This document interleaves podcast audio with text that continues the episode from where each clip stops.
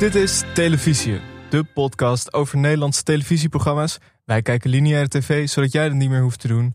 Mijn naam is Michel Dodeman. Tegenover mij zit Alex Maasreel. En ook tegenover mij zit een schrijver, columnist en tv-recensent. Je kan hem kennen van zijn werk voor De Volkskrant, Hartgras, De Muur, HP De Tijd, VPRO, Studio Voetbal, Vrij Nederland, Bahamontes. Het is koers, de avondetappe en dan heb ik pas ongeveer de helft gehad. Hij won eerder onder meer de Nico Scheepmakerbeker voor beste sportboek van het jaar en de bokaal voor sportjournalist van het jaar. Maar er was één prijs die hij niet won, namelijk niet die van slimste mensen van Nederland en daar gaan we het vandaag over hebben. Welkom Frank Heijnen. Dankjewel voor deze introductie ook. Dan Ja. is het meteen maar duidelijk. Eh, Sorry, sorry voor het einde. Sorry dat ik het trauma meteen moest oprakelen. Ja, nou ja, dat, eh, ik, eh, dat, dat kan. Ja, ik kan er inmiddels. ik- De opnames zijn alweer even geleden, dus ik kan het, kan het hebben. Word je er veel op aangesproken? Nou ja, de eerste weken wel echt veel. Dus het weekend nadat, het, nadat die finale van de slimste mensen op televisie was geweest, waar natuurlijk echt waanzinnig veel mensen naar kijken. En, en nog meer mensen die het dan via via wel horen. Eh, was ik wel echt dat ik op die zaterdag liep ik de stad in in Utrecht waar ik woon, eh, de Neuden op. En toen was ik wel even vergeten van dat gewoon heel veel mensen dan even een blik op je werpen. En denken, hé, dat is die gast van gisteravond. En dat ook mensen beginnen te roepen, eh beurlen, wat het antwoord was wat ik niet wist, waardoor ik had kunnen winnen. Of, nou ja, of jammer, of goed gedaan, of nou, alles wat je gewoon meestal vriendelijk, soms een beetje vilijn. Eh, dat, dat, dat, dat wordt snel minder. Maar dus ook zeg maar, de, een beetje die vage herkenning die ik nog wel eens in een café of in een restaurant had. Eh, in de winkels had je vaak mondkapjes, dus dan Ja. niet zo op. Maar in een restaurant, de week daarna zat, gingen de restaurants weer open, zat ik ergens te eten. Dan zie, dan zie je mensen wel even zo kijken. Dan denk je van, is dat een oud collega? Of is dat, weet je wel? Dat, en dat, dat gaat super snel weg. Dus dat is al bijna weg. En, de, en het verlies eh, valt ook wel mee. Want ik, ik was toch vooral bang dat ik, eh, eh, dat ik niet heel ver zou komen. Terwijl ik wel eh, mezelf het, eh, bij mezelf had gedacht dat ik misschien wel genoeg wist om wel ver te komen. En dat is in ieder geval gelukt. Dus Ja. ik was eigenlijk al tevreden. Dat klinkt flauw, maar het is wel waar. Dat van die herkenning is inderdaad fijn dat dat snel weggaat. Ik, dit is echt gebeurd. Ik fietste net langs de studio van het Postcode Loterij. En daarvoor zag ik Gaston en Quinty staan. En Gaston had, ze ze waren volgens mij een commercial aan het opnemen. En Gaston had zijn rode jas eh, aan. En er liepen twee jongens van, ik denk een jaar of veertien. Die riepen allemaal, hey, goedemiddag! en Gaston zwaaide zo, dankjewel, met zo'n opgestoken duimpje. En hij heeft dat zijn hele leven. Ja, nou, dat lijkt me echt eh, iets wat je totaal niet moet nastreven. dat, ik bedoel, eh, net als iedereen ga ik de ene dag lekkerder dan de andere. En soms vind ik het heel leuk. Maar er zijn ook wel eens momenten dat ik denk, ik ben blij dat ik nu niet voortdurend herkend word. Ja. ik kan me één keer herinneren dat ik, eh, toen woon ik net in Utrecht, of net in het centrum van Utrecht. En toen was daar nog het filmfestival werd opgenomen. Of eh, daar was zo'n talkshow op de Neude iedere avond. Daar eindigde altijd eh, de filmfestivaldag mee. En daar ging ik dan kijken. Toen liep ik op een gegeven moment 10 meter achter Matthijs van Nieuwkerk, die dat presenteerde. En Mhm. gewoon toevallig, wij liepen er allebei heen naar die tent. Hij zou presenteren en ik ging, ging kijken. Ik geloof met mijn vriendin. Ehm, en, eh, en toen, nou, je ziet dan op het neuden, al, of op de neuden, al die, eh, op die terrassen, al die hoofden draaien. En ik, ja, dat is gewoon altijd. Dat is gewoon als je moet concentreren, als je chagrijnig bent, als je Mhm. eh, verhit bent, weet ik veel. Dat doet er niet toe. Het is gewoon altijd dat iedereen even kijkt. En als mensen het niet zien, dan worden ze er wel op gewezen. Nou, dat Ja. me echt hels. Nou, dat was voor mij één ochtend.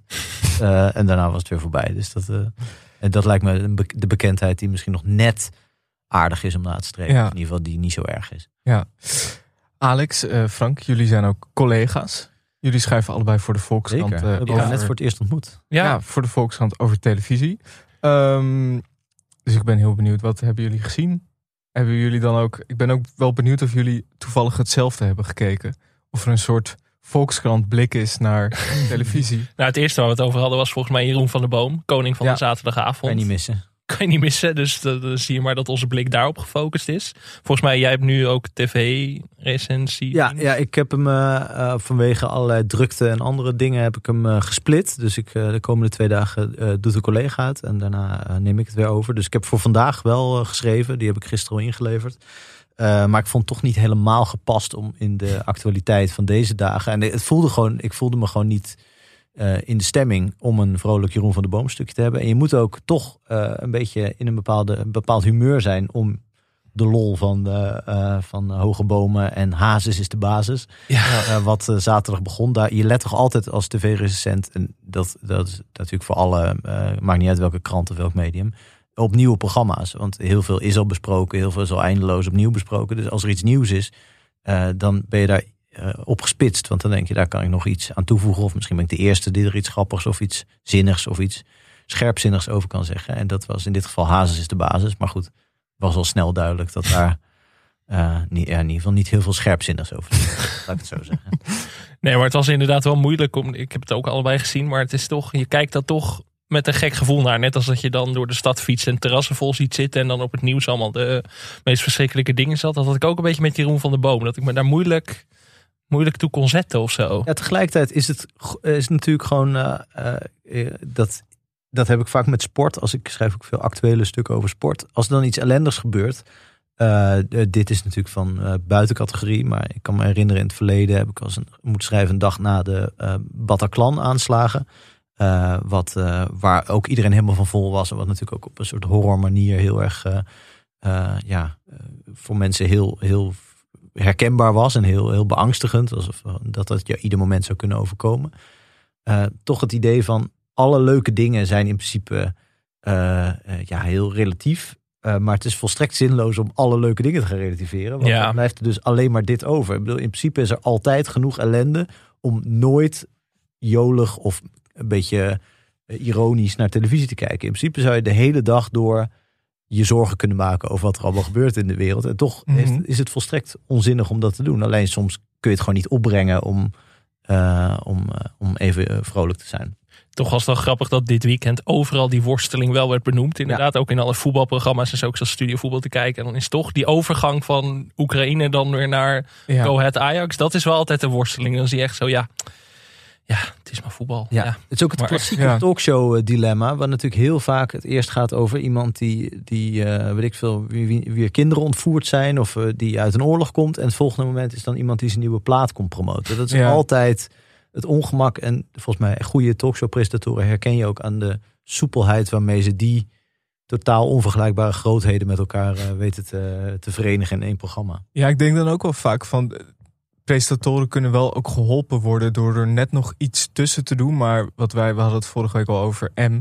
Waar het dan echt een soort van in één zin van Oekraïne naar de gedichten van Joost Ome over vissen Ja, en poëzie. Daar werd ook veel over eh, getwitterd volgens mij, dat mensen dat dan echt niet vonden kunnen. Nee, maar dan denk ik, ja, eigenlijk moet je dan ook een, een presentator of presentatrice een, een beetje helpen door daar misschien nog iets. Even Iets een filmpje tussen. of zo. Ja, precies. Gewoon Ja. iets kleins wat een soort van redelijk neutraal is. Een soort buffer. Ehm, maar jullie, hebben- jullie hebben wel allebei gekeken naar Haas is de basis. Ik ook. Nou. Zeker, ja. Hoogtepunt van dit tv-weekend. Hoe is jullie band met Hazes?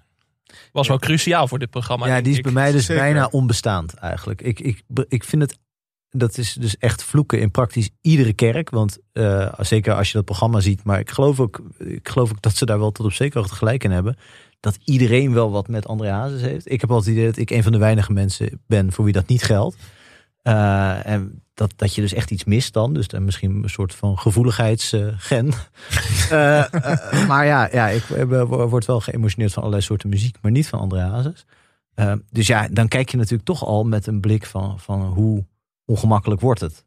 En dat werd gelukkig behoorlijk ongemakkelijk. Maar, maar voor de muziek keek ik niet, laat ik het zo zeggen. Nee. Nee, ik kan me ook wel voorstellen dat als je, je moet heel erg fan zijn van André Hazes. Om dan bijvoorbeeld, eh Rachel Hazes speelde een grote rol in dit programma. Die ging dan bijvoorbeeld met zangeres Karsu naar het standbeeld van, standbeeld van Hazes. Om een bloemetje daar neer Ja. te leggen. Daarna naar het café waar hij graag kwam.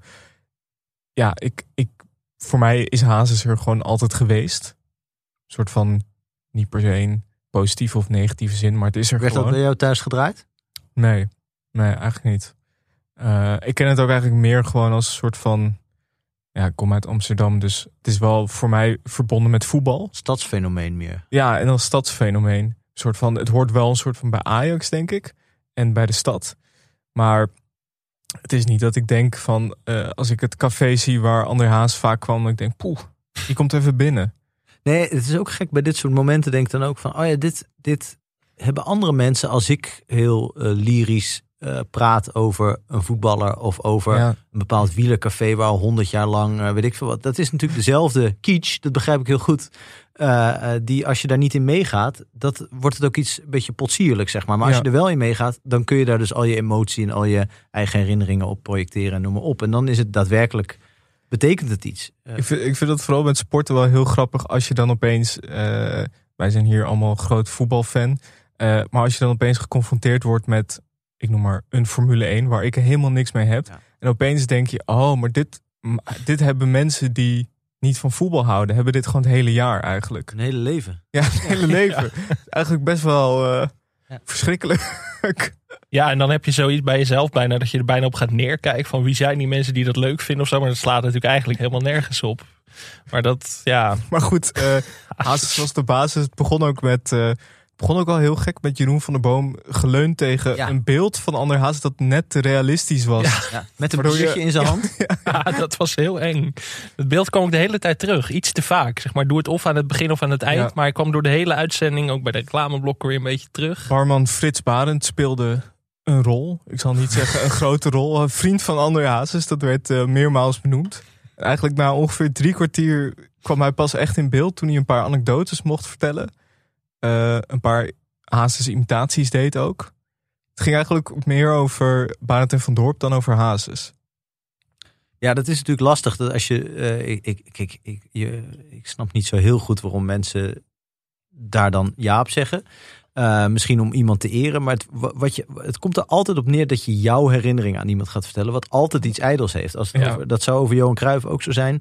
En als er nu, en, als nu Marco van Basten onder de tram loopt, zeg maar, dan, dan eh, als ik dan een stukje moet schrijven, gaat dat ook over mijn herinnering aan Ja. Van Basten. Dat is nou helemaal inherent. Maar dat is wel, op tv wordt dat opeens heel ijdel, zeg maar. Ja. Eh, in schrift misschien ook. Maar daar kun je dat zelf nog een beetje sturen. In zo'n programma krijgt het iets eh, ongemakkelijks, vind ik. Ja, De rol van Rachel was ook wel erg groot, moet ik zeggen. Die, die is echt wel een cruciale rol in het programma. het was ook lang. werd ook min, min, of meer gesuggereerd dat zij het idee had Ja. bij SBS, of gewoon gezegd, eh, dat zij het idee bij SBS had eh, afgeleverd. Een soort kant-en-klaar eh, format.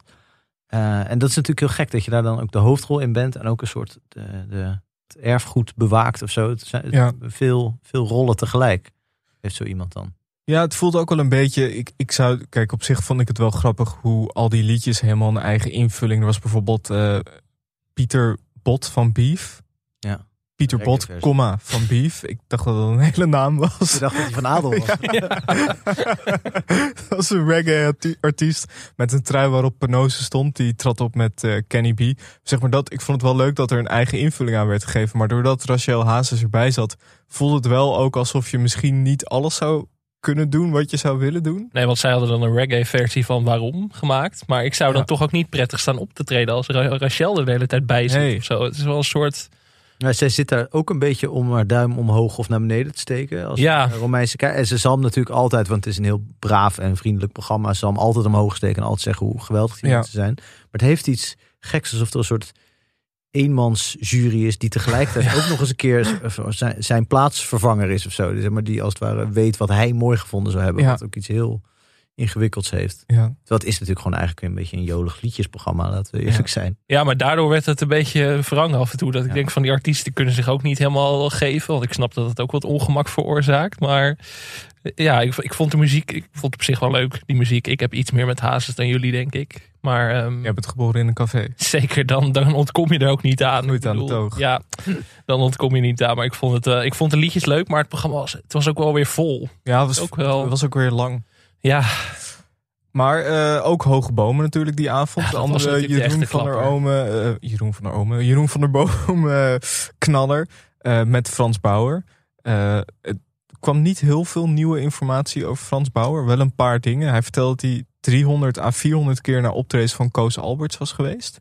En dat hij zelfs een trainingspak van Koos Alberts had. Daar had ik heel veel vragen over. Hoe ziet dat eruit?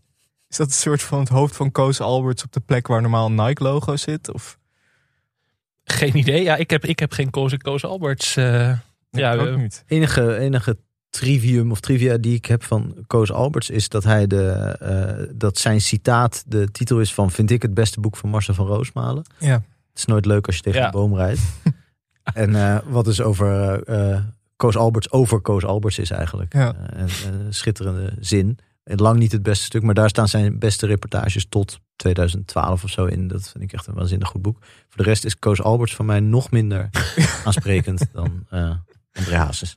Maar er kwamen wel veel meer dingen over Frans nog naar buiten. Dat hij een week met fans op vakantie Dat was gaan. wel, ja. ook wel intens. Frans Bauer fanreis. Dat Ja. hij met 150 à 200 fans een week lang leuke dingen ging doen. Met het hele gezin ook. Ja, Ja. we hadden allemaal foto's van, van Frans Bauer en dan 150 fans om zich heen. En dan gaan ze volgens mij in het buitenland, dacht ik. Een soort Ja. zonder omroep. Ja, ja gaan naar gewoon- Spanje en zo gingen ze. echt. Ja, En, eh, tripjes Turkije. uit en zwemmen met z'n allen Ja. en dat soort dingen. Ja, ja. Jeroen van der Boom vroeg dat ook wel terecht. Van, je gaat toch niet dan zwemmen met, met al je fans? En Frans zat me echt aan te kijken. Wat is dat voor een rare vraag? hoezo niet? Alsof het volstrekt normaal was. Maar Met welke volkszanger zou je wel op zo'n weekje vakantie willen? Hoeft niet een volkszanger te zijn trouwens.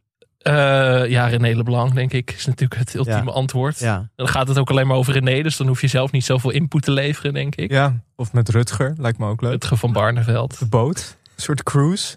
Ja, zeker. Heb jij, ben jij fan van een volkszanger? Of? Nou, fan niet, maar ik denk dat, dat, dat ik... eh, ik kan me ook wel voorstellen... Ik kan me iets voorstellen bij een lang weekend René Vroger, laat ik het zo Ja. zeggen. ja, met de hele, met, dan met de hele familie. Wel, wel met Natas erbij. Met Natas hoort er dan wel bij. Nee, dat lijkt me ook wel gezellig. Dries Roelvink. Ben Ja. Kramer. Ben Kramer, ja, intens. Ja. Intens weekend. Ja, ik zou ook wel weer een weekend willen. Ik vind de week eigenlijk met elke volkszanger wel iets te veel. En ik hoef ook niet per se in het zwembad te liggen. Maar ja, we leerden wel veel nieuwe dingen over Frans. Ja. 16 gitaren. En hij vertelde ook dat hij gewoon soms een paar uur naar zijn gitaar aan het kijken is. Speelt hij zelf gitaar? Ja, Oh. Heb ik blijkbaar. nog nooit gezien. En piano ook. Dat eh, hebben we nooit gezien, dat beeld van Frans. Maar, Nee. eh, het is net als met Stefan de Vrij dat dat ineens een pianospeler blijkt. Dat Frans Bauer dat ook gewoon is. Maar ik vond het wel lief verteld dat hij dan uren... Ik zie er maar dan voor me dat Frans op zo'n stoel gaat zitten... en dan gitaar tegenover zich zet... en daar dan gewoon een paar uur naar gaat zitten kijken. Ja. Dat vond ik wel een aandoenlijk beeld. Frans is zo'n zanger die volgens mij heel veel optreedt, maar het lijkt toch alsof hij heel veel vrije tijd heeft. Ja, dat is natuurlijk het beeld naar aanleiding van die, van die reality soap. Wat natuurlijk Ja. gewoon de oermoeder van alle BN'er-programma's is eigenlijk. Dat, je die, eh, dat, dat hij eigenlijk nooit wat deed in dat programma. Dat hij alleen maar Chinees aan het bestellen was. Dat het super lang altijd in die campingstoel Ja, dat is gewoon het beeld van, van iemand die echt tijd te over heeft. En dat is natuurlijk onzin, want hij treedt zich volgens mij, als het geen corona is, zich helemaal de, de blubber op. Ja. Eh, via- volgens mij zo iemand die drie keer op een avond eh, ook zijn hit staat te knallen. En nog allemaal van die grote shows doet. Dus ik denk dat hij waanzinnig hard werkt. Maar het beeld is toch, omdat hij altijd zo relaxed is, ja. dat hij gewoon dat hij echt niks doet. Heerlijk. Verder is had eh, zoon Christian ook een grote rol. Die deed een. Frans Bauer imitatie. Ja, Die zong ook eh, eh, Papa van Stef Bos. Grote verrassing. En het hoogtepunt was natuurlijk het slotlied van Jeroen. Heb je even voor mij, eh, maar dan eh, in de Jeroen-versie. Eh, wat, kan- wat kan die man dat toch goed, hè? ja misschien moeten we een heel klein stukje laten horen. Voor het gevoel. Een drukke paasjaar, oh hey, oh. Een volle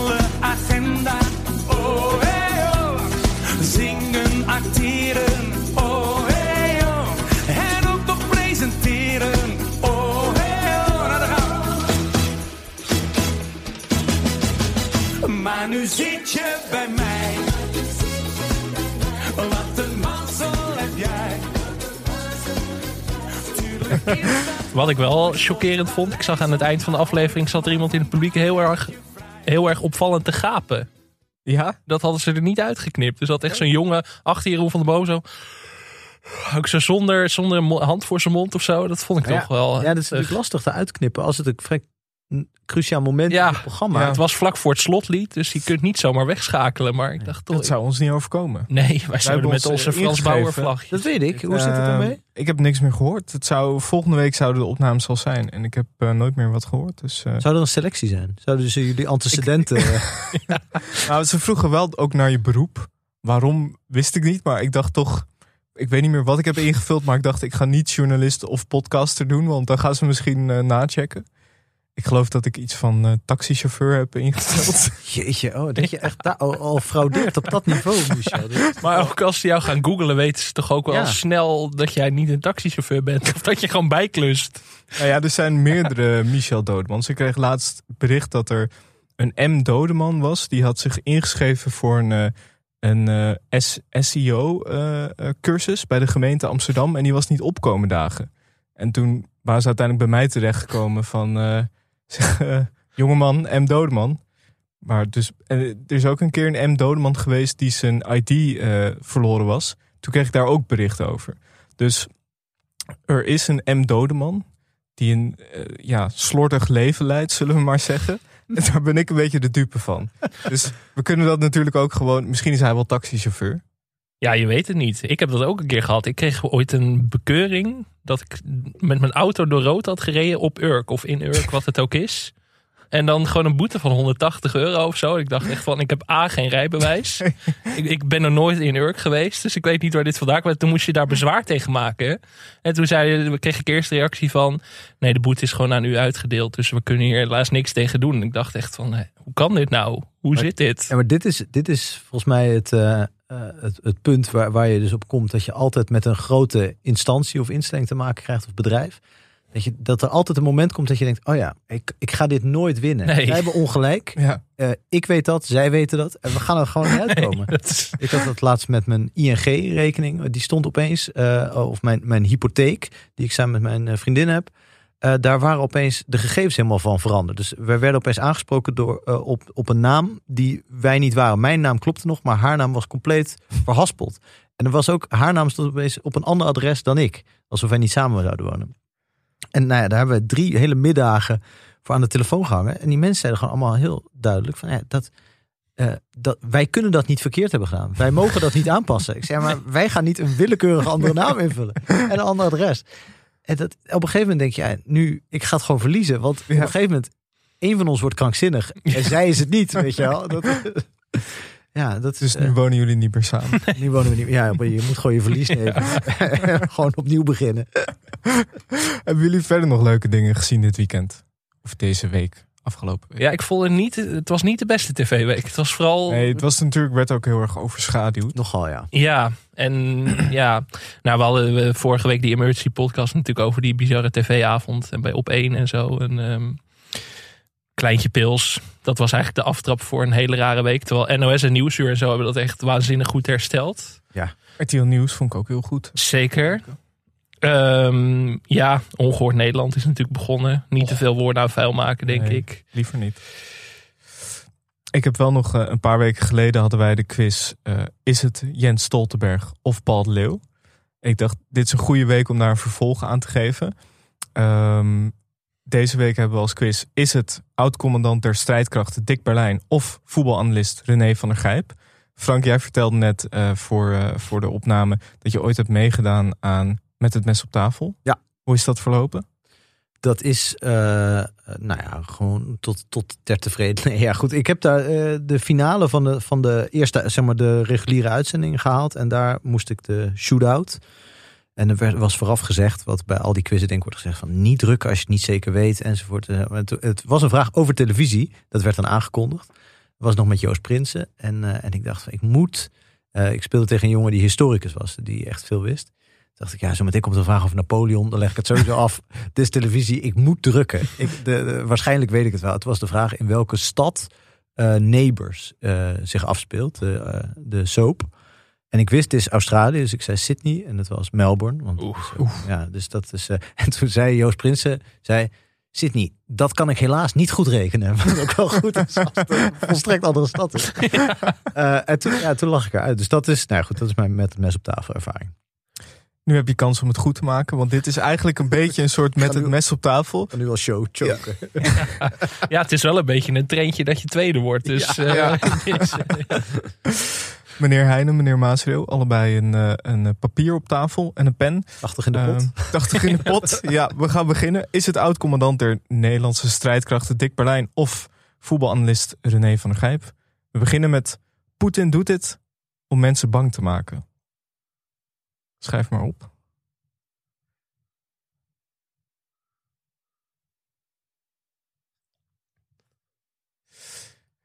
De tweede. Al die landen die kijken natuurlijk wel dat ze zelf niet geraakt worden. Maar je moet gewoon een pakket samenstellen waarbij je zelf ook geraakt wordt. Was het René van der Gijp of Dick Berlijn? echt spanning en sensatie. Dat Ja. gewoon.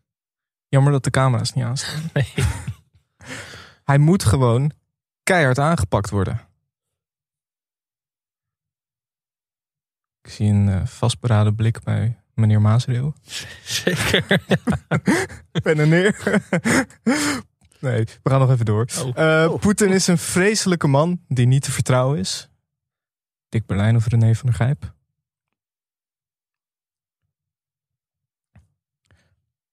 Het is de eerste keer na de Tweede Wereldoorlog dat we dit meemaken in Europa. Zo, Ja, Ja. statement. Ja. Ja.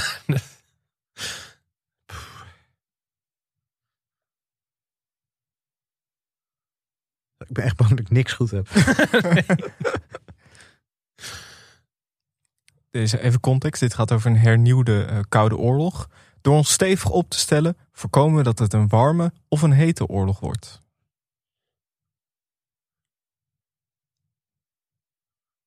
Je bent wel lekker tekeer gegaan. Hoeveel optredens van Dick Berlijn heb je hiervoor moeten Ik zien? heb er nog twee. Nummer 7. Sla je terug, dan heb je een derde wereldoorlog.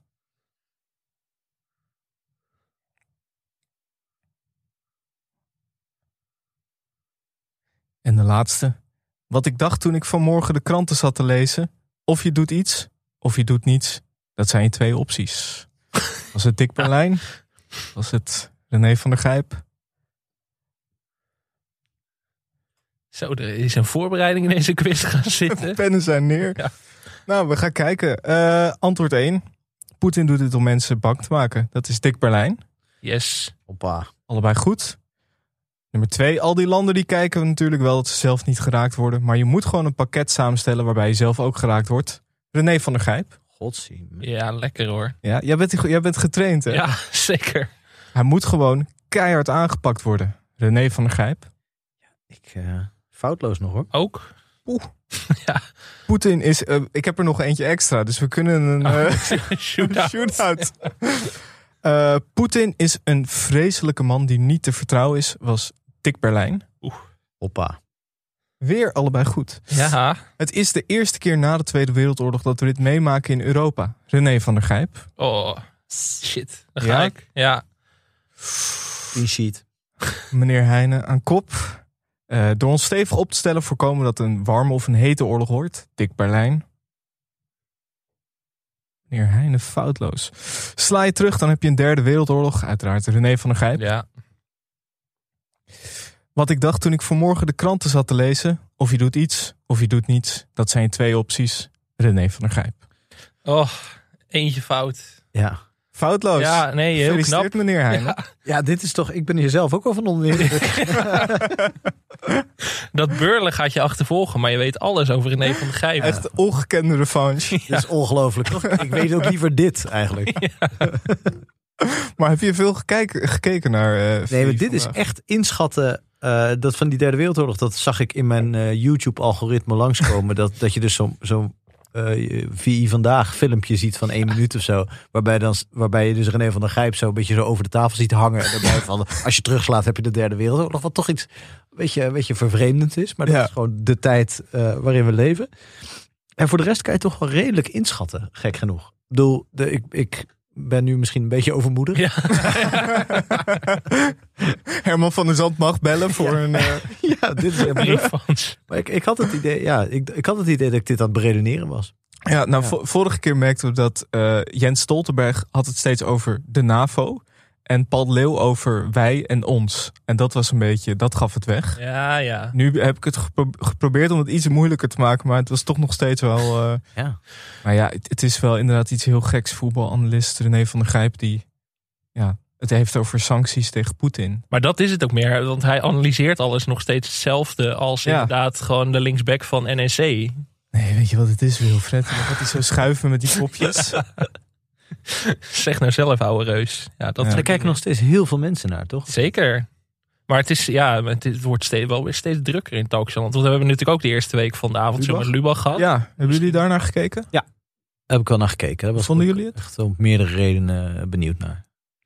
Eh, ja, ja, het is eh, heel erg nog eh, zondag met Lubach eh, Ja. eh, sfeer. Eh, misschien Ja. wel iets meer dan ik had gedacht. Eh, en die interviews Eh, ik snap waarom dat erin zit. En, eh, en ik ik bedoel, dat is ook het enige wat er nieuw aan is. Daar begon zondag met Lubach ooit ook mee. Dus Ja, redelijk klopt, snel ja. is dat afgevoerd. Dat was met Pechtold die toen de Macarena ging dansen, Ja, toch? Ja, Ja. En, en, eh, en ze hadden toen ook mensen, toen was de slimste mensen nog niet zo ver. Toen hadden ze volgens mij iedereen die daar ooit aan mee had gedaan. Oh, en die dat gewonnen had met Owen Schumacher en Art Rooijakkers of zo. En Lubach zelf.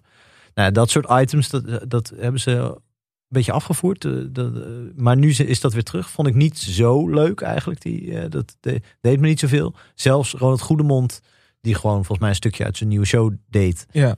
Eh, daar ben ik, dat was bij de Wereld Draait Door gebeurde dat ook wel eens. Dat cabaretiers dan zogenaamd in een gesprek een soort Ik heb dat monoloogje weggaven. nooit echt goed zien gaan. Alleen bij misschien Tim Fransen, maar verder...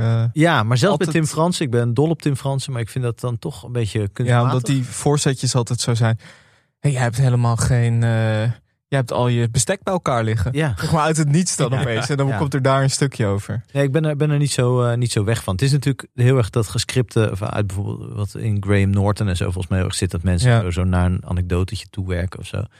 Eh, daar vind ik het eigenlijk ook niet zo leuk. Ja, dus het is, Nee. gewoon, het is gewoon niet mijn smaak. Maar die, die, die monologen waarin wat wordt onderzocht, die, zijn, die zijn goed en, eh, en leerzaam. En eh, nou ja, goed, het is niet zo dat ik dacht dat cruiseschepen dat die heel goed waren voor, de, voor het milieu. Als dat het punt is, dan, eh, dan heb ik daar niet zoveel van opgestoken. Maar ik vond het wel echt goed gedaan en grondig. Dat was klassiek zondag met Lubach materiaal.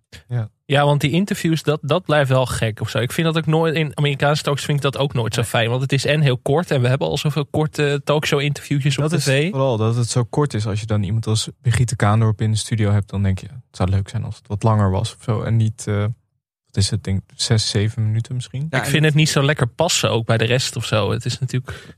Ik weet niet wat, wat Brigitte Kaandorp heb ik niet gezien, maar die andere drie kwamen tot op zekere hoogte allemaal ook iets pluggen. Eh, Ja, dus ja. eh, Goedemond was voor het nieuwe seizoen van Slijpschutters min of meer. En, eh, en Kim van Koten voor de, die eh, verschrikkelijke, jaren, verschrikkelijke jaren tachtig. En Maarten Keulemans omdat hij journalist van het jaar was geworden. Ja, en Brigitte Kaandorp die ging het theater in met Danny Arian. Oh ja, ja dus, iedereen, dus dan krijg je echt zo'n de wereld door Ja. moment. En dat vind ik gewoon nooit zo interessant. Dan zou ik liever eh, iemand hebben die, die niks te pluggen heeft. Want volgens mij willen die mensen ook allemaal dolgraag naar zo'n Mhm. Ja, dat, dat zou ik het leukst vinden. Als het gewoon gasten waren die inderdaad niks te verkopen hadden. Ja. Dat je gewoon even een kort gesprekje zou voeren. Maar ik denk dat dit er als eerste ook uitgaat. Dit Ja. is waarschijnlijk weer zoiets dat ze dan na twee maanden of zo gaan schrappen. Behalve dat je natuurlijk vier dagen per week gewoon dat moet vullen. Ja, dat Die, eh, wel. tijd. Ik vraag me af in hoeverre dat nog bij te sturen is in het seizoen.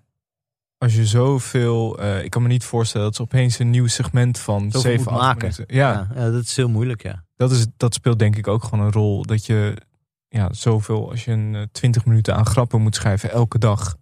Met een redactie van, eh, volgens mij is het 25 man in zijn totaliteit. Vraag me af of dat lukt. Ja, en ze zitten best wel. Ze nemen natuurlijk een paar uur van tevoren op, wat logisch is. Maar daardoor mis je wel vaak weer. Dan loop je eigenlijk alweer achter de feiten aan. Dat is wel lastig. Ja, met een Ja. wereldoorlog is dat eh Ja, ja, snel ja. gewoon dingen. Het was inderdaad niet de goede week. We hadden natuurlijk ook die gijzeling in Amsterdam. Ja, Waar ik ook nog wel. Dat, dat viel me ook wel op. Ik zat een livestream van AT5 te bekijken. Wat een absolute aanrader was. Maar ik vind bij dat soort situaties altijd zo leuk dat er dan. Ieder programma stuurt dan een, een verslaggever er naartoe. En dan gaan ze vervolgens vijf minuten met zo iemand praten. En dan is eigenlijk, het komt neer op. We weten eigenlijk niks. Maar daar gaan we wel vijf minuten over doen om dat te zeggen. Ja. En zo ging dat die hele avond. Daar heb ik dan wel weer van genoten. Van Hart voor Nederland tot, tot inderdaad die luistering van AT5. Die gewoon de hele die vijf uur lang was. Nee, we weten eigenlijk nog niet precies hoe dit zit. Maar nee, ja, nee, we kunnen er nog niks over zeggen. Maar we staan er wel. Dat, Ja. dat vond ik ook wel weer geestig. zullen we gaan naar het nieuws van de week? Ehm, hebben jullie wel eens overwogen om presentator te worden? Zeker. Is dit een sollicitatie? nou, er is sinds kort de, de Boshart Academie, opgezet door Ron Boshart. Zo dan. Ehm, de, je kan daar studeren en dan word je opgeleid tot eh, beginnend presentator. En je krijgt masterclasses van onder andere Ron Boshart, eh, Simone van der Ende en eh talentscout Brit van der Gaag. Belangrijke vraag. Is het academie of academy? Academie. Ik, ik Ja, had vind ik sympathiek. ja. op zijn Nederlands, ik, zag, ik dacht Boshart Academy zou op toch, ja, vind ik toch iets meer internationale Ja. allure. Maar eh, nee, het is heel netjes de Boshart eh, Academie. Het zijn 20 college dagen, 16 in de hoofdfase en eh, vier dagen in de afstudeerfase. Zo dan. Op deze dagen staat de theorie en het ontwikkelen van de kennis, vaardigheden en attitude centraal. Attitude. Als het de Ac- Academy was geweest. Nee, maar het is heel Nederlands. Ja, Die Simone van den Ende is toch ook, die heeft volgens mij ook Jeroen van der Boom getraind. En eh, Klopt. Winston. eh, maar ik heb daar best vaak over nagedacht. Van, eh, best gek dat daar geen, eh, geen soort van opleiding voor is. er is altijd een soort mythe dat Jeroen Pauw van die klasjes heeft. Maar dat, Ja. ja, dat, Ja, dat dat is hoeft altijd. nu niet meer. Dat En die hoeft heeft niet meer. individueel, toch? Die Ja. Het Gecastricum en Daphne Bunskoek, geloof ik. En zo. Johnny de Mol ook volgens mij. Ja. Maar dat is altijd een soort mythe, daar weten wij verder natuurlijk niks van. Maar ik zou wel graag willen dat iemand daar eens onderzoek naar deed. Dat kan ik zelf doen. Maar dat, Ja. dat stel ik me inderdaad zo voor dat iemand in een klaslokaal bij Jeroen Pauw gaat zitten. Of zo. Ik ben heel benieuwd hoe dat gaat. Ik zou me embedded kunnen inschrijven voor de Boshart Academie. Dit is wel Kijken iets voor wat er, ons ook. eh, en met, dan met zo'n microfoontje. op Jij als taxichauffeur bedoel? Eh, heb jij nog eh, nieuws meegenomen?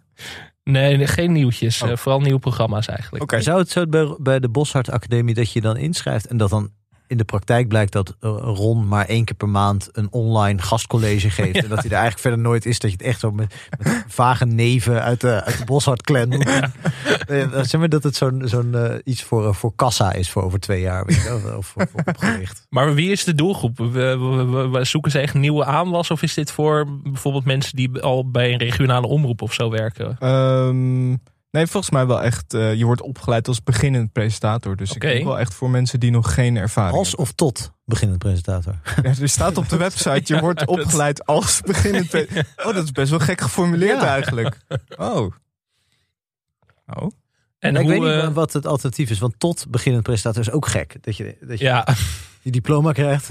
Nou ja, er staat sowieso, de website is een beetje gek, want er staat ook, je bent dan breed opgeleid om te kunnen presenteren op verschillende mediaplatformen, zoals radio, televisie, sociale media, live presentators en exposure. Oh ja, er moet nog even iemand een eindredacteur Ja, dat- overheen. en wat kost het?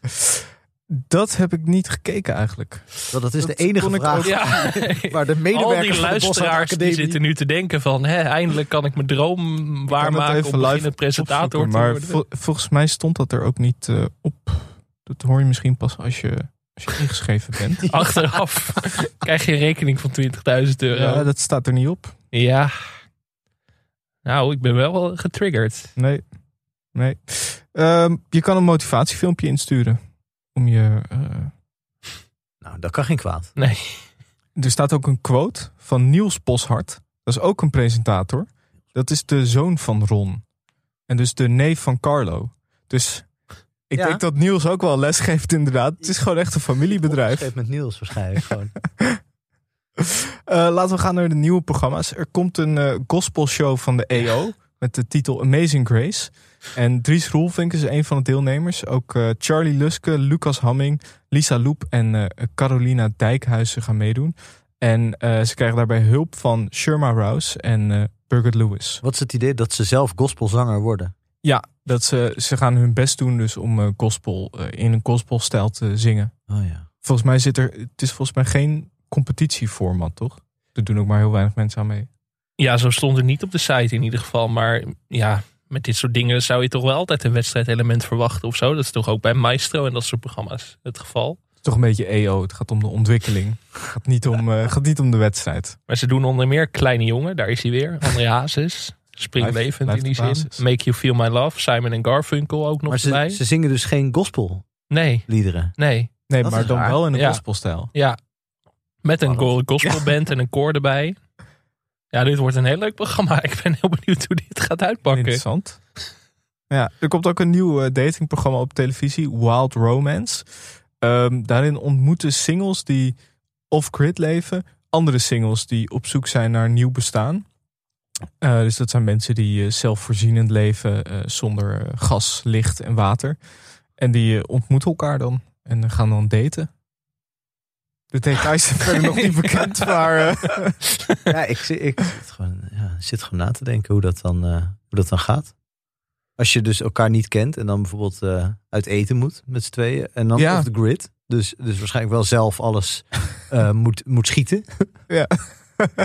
Nou ja, het is wel, het is wel een relatietest. Hè? Zoals dat, eh, nee, ja. Welke omroep is dit? Welke zender? eh, weet ik niet. Nou ja. Geïnteresseerden kunnen zich melden. Cruciale informatie. Wild Romance, het heeft dus niks met Herman Brood te maken. Nee. Dat was even mijn, Nee. eh, daar zat ik op, dat spoor zat ik even. ESPN komt ook met een datingprogramma. Hè? Ja. Voetbaldates. Ja. Ik zag dan zo'n filmpje met eh Freesia. eh, Ja, dat ja. achter zo'n Ja. bank vandaan Ja. springt en dat iemand eh, dat je, dat je Ja. samen tv kunt kijken of voetbal kunt kijken. Oké. Dus ehm, stel je bent voor Feyenoord en er is iemand anders ook voor Feyenoord. En dan, Dus veel, en dan het dategedeelte, ze filmen dan gewoon dat je voetbal zit te kijken. Ja, volgens mij Ja. is dat het idee. Oké. Wat eh, eh, het fundament van zo'n programma is volgens mij de principiële fout in datingshows überhaupt. En die heel veel mensen ook op dating apps en zo hebben. Dat je eh, om een relatie te hebben dezelfde interesses eh, zou moeten eh, hebben. Ja. ja, want je moet voor dezelfde club zijn. Dat is Ja, een, de dat is belangrijkste Het is toch juist leuk als ze niet voor dezelfde Ja, ja, oh, ja, het lijkt mij echt vreselijk om met iemand te zijn die net zoveel van sport houdt als ik. Dat lijkt me echt eh, heel erg vervelend. En, en heel saai ook. Dat je dus niks meer apart van elkaar hebt. Het, het lijkt me ook, ja, voor, voor een date lijkt het geen goede basis als je allebei eigenlijk alleen maar. Stel, het is ook een hele slechte wedstrijd. Ja, Stel, je bent een Ajax-supporter en je gaat dan met je date kijken naar Go Ahead Ajax. Eagles, Ja. Ajax. En dan zit je eigenlijk alleen maar, nou, Het is niet echt sfeerverhogend ook. nee. Nee, terwijl het zou juist leuk zijn als de een voor Ajax is en dan is voor Feyenoord en ze kijken naar de klassieker en dan houdt het dan het stand toch of op, ja. ja. Een team van specialisten gaat de kandidaten matchen en een geschikte wedstrijd uitzoeken. Dus er wordt ook nog vooraf geselecteerd op een wedstrijd. Ik vind het ook zo leuk dat het dan altijd een team van ons is. Alsof allemaal mensen met een lapjas aan, een soort van. Ja, dat dat lijkt me niet zo moeilijk op het beeld van Merit at First Sight. Dat, die- dat team van specialisten is nu tijdelijk uitgeleend Ja. aan E ESPN. Ja, het, Even de wetenschap een kans. het, lijkt me, het lijkt me wel heel leuk om dat bij bijvoorbeeld first dates te doen. Om mensen te koppelen. Als je gewoon al die ja, zeg maar documentjes bij elkaar hebt. Dat gebeurt toch in feite? Of niet? Ja, ja volgens mij wel. Maar hier lijkt, hier lijkt het me juist best wel makkelijk. Nou, je zoekt naar dezelfde club, je zoekt naar dezelfde leeftijd ongeveer. En je zoekt een leuke wedstrijd uit. Ja, ik ben heel benieuwd. Ik ga hier wel naar kijken. Ik ben wel, maar dan hoop ik ook wel dat ze gewoon een Heracles Almelo stel bij elkaar brengen of zo. Dan liever dan alleen maar Ajax Feyenoord PSV, wat natuurlijk wel op de loer ligt. En is het echt een eigen programma of is het onderdeel van gewoon de bestaande programmering? Dat het gewoon een item wordt in dat eh, eh, zondagochtendprogramma of zo? Volgens mij is het een apart programma. Heavy. Maar dat kan inderdaad zijn dat, dat Hans Krij eerst aan een betoog bezig is en dat dan dit er even tussendoor komt. Maar volgens Dat- mij. Dat, vermo- dat, dat idee heb ik gewoon een beetje. Wordt het ook door... eh, Zijn nou dat Freesia het presenteert? Nou, die zat in het promofilmpje, maar ik weet niet of zij het ook presenteert. Dit lijkt me echt nou een Hans Kraaij junior Ja. inderdaad. Hij gewoon met zijn hoofd zo in beeld natuurlijk, met die microfoon. ESPN moet veel meer gebruik maken van Hans en veelzijdigheid ook. Ja, veel meer de, de wei in, Ja, met Hans. Hans moet lekker draven. Hij een moet goede, lekker door die stadions programma. draven. De Ja. Weien met Hans. Ja, zeker. Ja. Ik heb toch het idee dat hij dat helemaal niet meer wil. Dus dat hij gewoon ste- dat hij opeens op zijn zestigste denkt van, weet je, als ik serieus genomen wil worden, moet ik niet misschien de hele tijd hele rare dingen doen en Ja. me heel belachelijk opstellen. Dan moet ik alleen maar heel ernstig in van die praatprogramma's zitten en dan heel, heel erg tactisch eh, al die wedstrijden analyseren. En hij is nu een soort meesterinterviewer inderdaad. Hij doet de belangrijke interviews vaak en zo. Foto van de SAR interviewen. Ja, ja. Maar ik zie hem toch liever zoals laatst bij Utrecht Vitesse met een muts op langs de zijlijn in de stromende regen een scheidsrechter ondervragen. Dat vind ik leuk. ja. Ja. Eh, heb je verder nog nieuwe programma's mee? Eh, er komt een nieuwe, nieuwe komische dramaserie met Henry van Loon en Jelka van Houten. In het echt natuurlijk ook een echtpaar. Volgens mij is het een beetje het idee dat ze jonge ouders zijn die ehm, hun werkende leven voort proberen te zetten terwijl ze net een kind hebben gehad. Klinkt allemaal heel cliché, maar de cast is wel goed. Eva Krutse zit erin, Leuk. Erik van Sauers. Anna Drijver. Dus dit is wel nieuwsgierigmakend. Oké. Ja, na vorige week, na dat nieuws over Henk ten Katen, is het allemaal, slaat het dood. Maar We hebben, we hebben daar ook, ik heb het eh, formatblokje ook eigenlijk eh, eh, een beetje weggegeven aan Henk ten Katen. Want ik kreeg een bericht van Sander, die stuurde een format in. ten Kates Concierges. Waarbij eh, Henk ten Katen in de rol van conciërge Koos meekijkt en werkt met echte conciërges in Nederland. Vind ik wel een leuk format. we staan echt aan de vooravond van de tv-dominantie van Henk ten Katen. Daar ben ik wel blij mee. Stel nou dat hij echt goed kan acteren. Wat dan? Zeg maar. Hebben jullie iets van achtergronden van hoe dit tot stand is gekomen, die rol, of niet? Nee. Hoe die, wie dit bedacht heeft? Heeft hij zichzelf aangemeld? Nee, ja, ik, ik heb geïnformeerd, maar ik heb nog geen reactie. Maar ik ben wel heel benieuwd. Ik vind ook dat hier eigenlijk ook een zesdelige serie over gemaakt moet worden. Ja. Hoe dit hele proces tot stand is gekomen. Ja, ik denk dan gewoon even aan de, aan de VPRO. Die, dan, de, die hadden ook wel dat gedoe met die Kaag-documentaire. En ze hadden recent dan een beetje gedoe over dat Sander Schimmelpenning tegelijkertijd zo'n serie maakt en reclame maakt voor een bank. Eh, en dat ze dan tegelijkertijd, en dat ze daar zo druk mee waren dat ze maar eh, het, het fenomeen Henk en Kaat zo als het ware achter hen langs zo het gebouw is binnengestiefeld. Dat Henk de Kater daar ineens naast Olga Zuiderhoek zat. Ja, Dus en dat- nou, Dat geen enkel, niemand, geen enkel lid van de directie zei van, eh, maar we hebben hier gewoon acteurs, we hebben hier gewoon een budget voor. Er hoeft niet een of andere gesjeesde voetbaltrainer nu. Misschien dat ze echt al jaren wachten. En dan was het elke keer van, ah shit, Henk ten Kater wordt nou weer bonds. Oh, hij wordt Ja. niet bonds. Oh, hij hij zit weer- nog een jaar in de woestijn. Ja, Of zou de lobby zeg maar, van, van Voetbal International en sommige andere programma's zo sterk zijn? Valentijn Driessen die maar brieven bleef sturen naar de VPRO. dat hij toevallig net in de auto zat met een journalist toen, de, toen de VPRO belde. Of Olga Zuiderhoek heeft er gewoon op gehamerd. Die zegt, ik wil dit doen, maar alleen met Henk. Dat zou ook nog kunnen. Ja, uit het Amsterdamse. Ja, elkaar. Ja. Ja, ik, ik, ik denk toch dat echt die stem van Henk, dat dat heeft meegespeeld. Dat ze dachten, wie kan nou echt zo'n Amsterdamse conciërge spelen? Dat ze toen Henk ten Kater hoorden fluisteren en dat ze dachten, ja, dit is het eigenlijk wel een beetje. zondag is het zover. Hè? Ja, Ik denk, ja, nee, het leeft nog niet echt onder de mensen, heb ik gemerkt. Maar bij ons in ieder geval wel. ik liep weg van de microfoon, maar ik wilde gewoon doorpraten. Dat was geen succes. Ehm, nee, het voelt ook een beetje, ik begin ook een beetje aan ons te twijfelen van, wij zijn hier heel enthousiast over. Verder eigenlijk nog weinig reacties. Ja, maar dan ben ik straks weer bang dat iedereen daar straks achteraf al heel enthousiast over is. Van, oh, eh, wat briljant dit en wie had dit ooit eh, bedacht. Maar het is lekker om dat alvast te claimen. Ook als het helemaal niet, het kan natuurlijk ook tegenvallen. Kan ik me niet voorstellen. Maar dat, dat Henk geen acteerwonder blijkt.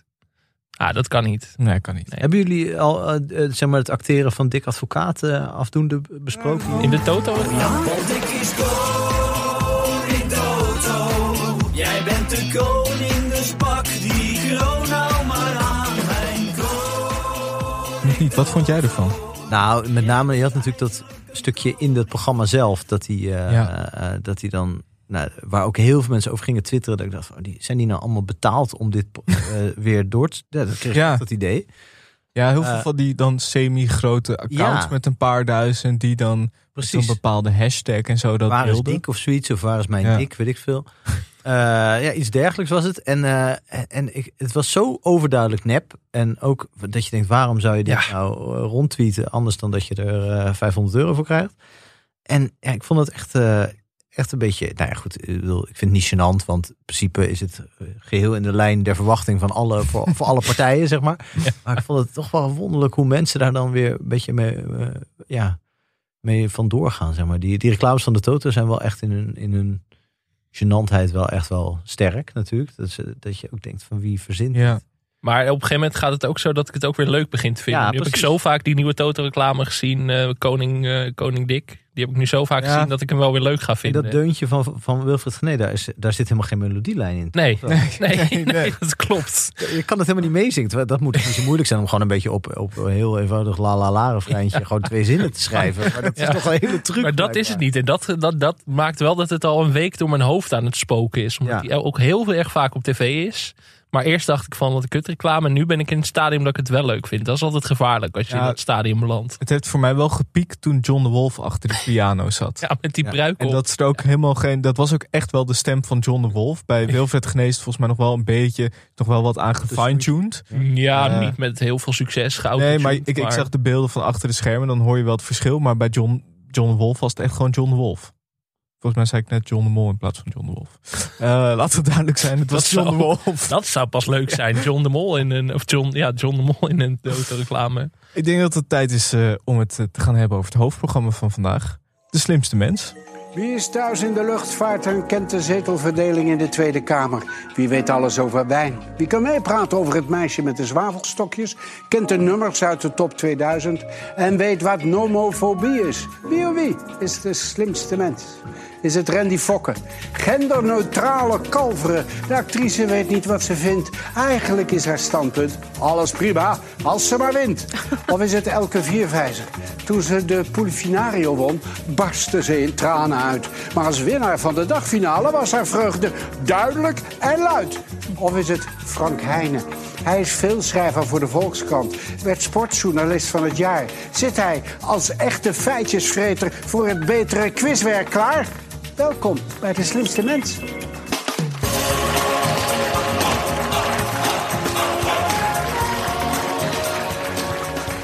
De Slimste Mens is een Nederlands televisieprogramma en een remake van de Vlaamse versie De Slimste Mens ter Wereld. Vanaf 2012 wordt deze quiz uitgezonden door de KRO NCRV.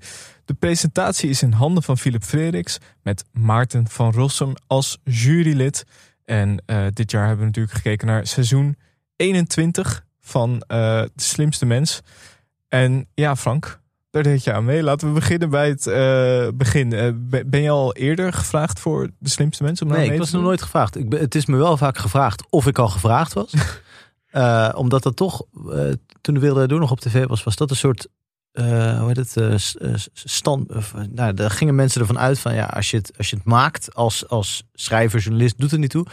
Dan is gewoon het eindpunt is de Wereld Door. Daar een keer gast zijn of daar regelmatig te gast zijn. Dus dat is voor mensen een soort van eh, eh, eikpunt.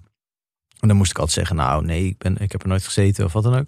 En dat was eigenlijk bij de slimste mensen ook zo. Daar geldt eigenlijk hetzelfde voor. Volgens mij ook buiten de journalistiek. Dat, dat gewoon als je iets zou moeten willen voorstellen, dan dat mensen het idee hebben van dan ben je in ieder geval een keer gevraagd. Maar ik werd voor het eerst gevraagd. En ik zei meteen ja, want ik, het, leek me, het was een van de weinige programma's waarvan ik altijd heb gedacht, dat lijkt me nog wel aardig om daar mee te doen. Ik hoef niet per se veel op televisie.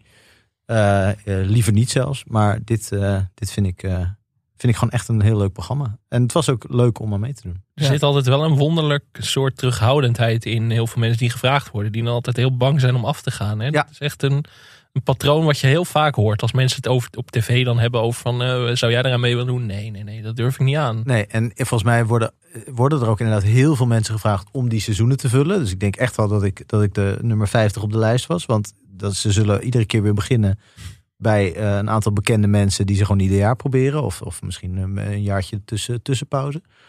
Eh, en dat die gewoon echt bang zijn om af te gaan. Wat ook gek is, want er zijn natuurlijk mensen die het goed doen en minder goed doen. Maar als het minder goed doet, is dat zo weer vergeten. Kijk, er zijn Mhm. mensen, die- die wordt dat dan nog even nagedragen. Of je kan een keer echt Volgens mij deed Piet Villy het een keer heel slecht. Ja, nu ga ik dat weer allemaal zitten oprakelen. En nu was Ja, Joost Die Eertmans... dacht van, ik ben er eindelijk vanaf. Ja. Ja, en Joost Eertmans deed het nu heel slecht. Dat vinden mensen dan leuk, omdat ze niet zo fan zijn van Joost Eertmans. Maar in principe eh, vergeten mensen het ook heel snel weer. Ja. Dus denk ik dat als je het goed doet, of als je het leuk doet, of als je leuk overkomt, dan blijft het lang hangen. En als je het niet zo goed doet, is het ook zo weer. Dan maak je het ook zelf groter dan het is. En het hele idee natuurlijk dat je dom zou zijn als je niet veel van dat soort feiten weet, is natuurlijk ook een soort rare abstractie. Ik bedoel, het is Ja. gewoon, je hebt een heel wonderlijk eh, pakket aan eh, kennis dan. Maar dat heeft niks met eh, intelligentie of wat dan ook te maken. Maar dat is voor mensen toch lastig om dat eh, op zichzelf. eh, die, ze snappen dat wel. eh, en ik snap dat zelf ook wel. Maar het is lastig om dat op, je, op jezelf ook te betrekken. Ik bedoel, toen ik er zat, dacht ik ook van niet afgaan. Ja, Het is toch ook sterker dan jezelf. Ja. ja, dat is toch gek, want eigenlijk die positieve uitschieters liggen veel meer in het collectief geheugen. Zoals Ja. bijvoorbeeld Stefano Keizer. Er zijn heel veel mensen die ook, Op camps. Rob Kems, die daardoor een soort van eh, nieuwe status hebben verworven. Francis van Broekhuizen is er denk ik mee. Die eh, Ja. operazangeres is er echt mee doorgebroken. Eh, nou ja, dus zo zijn er op, op kleinere schaal nog wel vijf, zes denk ik. Je kan jezelf echt... Nou, sommige mensen doen, zijn gewoon van zichzelf zo uh, Lisa Loep mediageniek. natuurlijk Lisa. Loep. En andere mensen nemen zich echt voor om te, dat ze weten van... Nou ja, goed, dit kan mijn doorbraak betekenen. Dat, zo, zo keek ik er niet tegenaan, maar wel... eh, maar het leek mij gewoon erg leuk om mee te doen. En ik dacht dat ik ook wel ver zou kunnen komen omdat ik van mezelf wel weet dat ik een heel vreemde eh samenraapsel van, van kennis heb. Waar je verder in de wereld nooit iets aan hebt. En een heel raar associatievermogen. Waar, wat gewoon uitstekend past bij dit programma. Ja. Heb, je, heb je op een bepaalde manier voorbereid op het programma? Nee, eigenlijk niet. Wat ze dan, eh, dat heb ik gewoon wel eens verteld. Dat er komt een redacteur bij eh, thuis. Eh, eh, een heel, dat was heel gezellig. En, en die komt dan met een stapel papier. Die heeft dan in principe een uitzending uitgeprint. Dus met alle vragen uit een bepaalde oude uitzending. En die gaat dan gewoon een beetje met je testen van snap je de regels? Eh, weet je wel iets enzovoort. En, en, en, ook een beetje van, vind je het leuk en kun je, kom je een beetje uit je woorden. Ehm, en daarna kreeg je de tip van, nou ja goed, dan moet je een bepaalde data vrijhouden en zo. En dan krijg je de tip, download de app. Eh, en speel zoveel mogelijk eh, dat spel op de app. En met name voor de, voor de puzzel is dat dan wel wijs. Eh, en ik vond dat eigenlijk een beetje, een beetje flauw en een beetje kinderachtig. En ik dacht van, ah, dat is, dat, niemand doet dat. Dat is toch een beetje, maak het niet groter dan het is.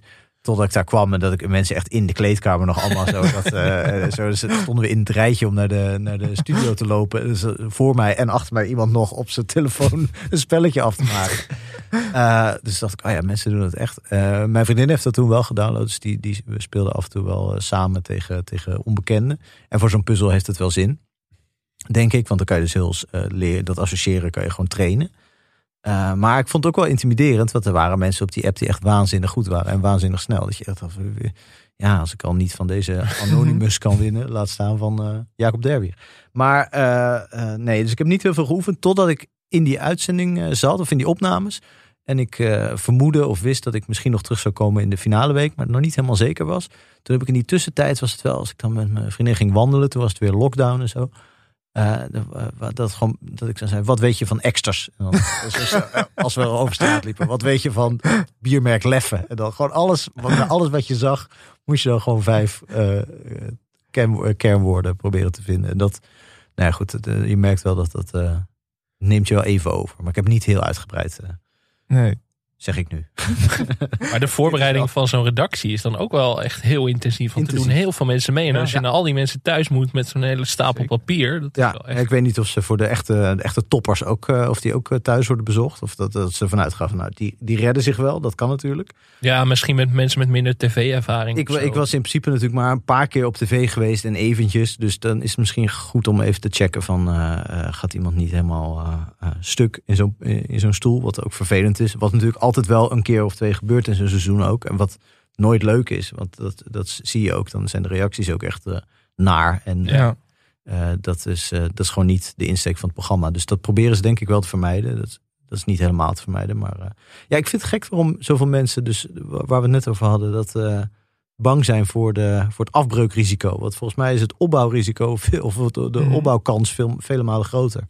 Ja. Ja, ik vind, als, als je nou ergens een programma hebt waar- waarbij de kans groot is dat je er leuk, zo leuk uitkomt als je bent, dan wel leuker uitkomt dan je eigenlijk bent, is het bij de slimste mens. Juist bij heel veel andere programma's is, Ja. is het risico dat je er minder leuk Ja. uitkomt dan je bent. Eh, dus ja, ik vind dat, eh, vind dat gek. Vind, eh, ja, Ja, en ook bij talkshows zo word je best wel in een mal gedrukt. Precies, dat je in 10 ja. minuten zo snel mogelijk eh, Ja, de leuk paar moet keer zijn. Dat ik, dat ik in de talkshow, de Michel is inmiddels ook ervaringsdeskundige. ja, dan, dan in principe moet je dan gewoon tot op zekere hoogte, maar zeggen wat de redactie eigenlijk wil horen. Om, die hebben dan al eigenlijk al verzonnen hoe dat gesprek een beetje verloopt en welke filmpjes er moeten worden uitgezonden. Eigenlijk een soort spreekbeurt. Ja, ja, en bij de slimste mensen kan je gewoon eh, een beetje babbelen. Mag je redelijk vrij uitpraten. En het aardige is dat je met die kandidaten, had ik in ieder geval. eh, je zit toch met elkaar in hetzelfde schuitje. Dus ook als je niet zo op elkaar lijkt. Of misschien in een andere setting misschien niet zoveel met elkaar zou hebben. Je deelt echt iets. Je bent echt een soort lotgenoten. Waardoor, je echt, waardoor het ook heel gezellig is met, die, eh, met heel uiteenlopende mensen. Vond ik ook wel geinig. Ja. Dat is ook anders dan bij talkshows. Waar iedereen toch een beetje gefokt is om in die vijf minuten zijn, Mhm. Zijn doelpunt te maken. Zou ik Ja. zeggen. Was je zenuwachtig voor de, voor de opnames? Eh, ja, je kan, eh, de eerste keer, dat was, eh, zijn, zijn, er worden meerdere afleveringen op een dag eh, opgenomen. De eerste keer stroomde ik in aan het eind van de dag. Dus de laatste afle- eh, opname van de vrijdag. Toen was ik wel zenuwachtig. Dat kan je ook wel zien op televisie. En ook op de foto's die dan vooraf worden gemaakt en zo. Voor de, voor de Heel angstig. Kijk ik echt een beetje angstig in de, in de camera. Dat is niet fraai. Eh, toch, dat is de, gewoon de angst dat je er de eerste keer uit ligt. En dat, is, eh, dat zou gewoon hartstikke zonde zijn, eh, vond ik. is ook allemaal niet zo belangrijk, maar daar, was, daar ben je dan toch even heel erg mee bezig. En zodra je daar binnenkomt in zo'n gebouw, dan is ook gewoon het goed doen in zo'n programma opeens heel relevant. Terwijl Mhm. het toch een beetje absurd is. Eh, dus ik was in het begin wel, wel zenuwachtig. Maar dat, dat, omdat de sfeer heel ontspannen is en die mensen allemaal echt verrassend vriendelijk, eh, w- wordt dat heel snel minder. En je bent er dus lang op zo'n dag. Dus langzamerhand word je ook een beetje moe en een beetje ontspannen. Mhm. En dat op een gegeven moment, eh, eh, zei de redacteur die mij dan begeleidde, als het ware gedurende de dagen, die zei, ja, op een gegeven moment zit je wel erg onderuit gezakt als je zelf niet aan de beurt was. Dus dan zit je gewoon, dat natuurlijk lange dagen zijn, dat je toch een beetje, ja, het wordt een beetje jouw stoel. Dus je gaat een beetje onderuit gezakt zitten. Ja. Ja, dat is een risico natuurlijk. Maar Hoeveel, hoeveel wordt er opgenomen op één dag? drie in principe. Ja. En je hebt volgens mij ook wel eens eerder verteld dat die afleveringen langer zijn dan ze natuurlijk op tv zijn. Dat er wel veel in wordt geknipt ook. Nou, er wordt in het verloop van het spel wordt natuurlijk niet geknipt. Dat kan ook niet. Nee. Maar eh, er wordt gewoon er wordt veel gepraat tussendoor. En de leukste of, of meest relevante grapjes, gesprekjes, dingetjes, die eh, worden uitgezonden. Dus met name Maart van Rossum is veel aan het woord. Eh, heel soms gaat er iets technisch fout. Vond ik wel meevallen trouwens. Maar, eh, en, en zelf ben je heel veel aan het woord. En Naar mij werd gezegd, dat, daarom vind ik een podcast ook zo top.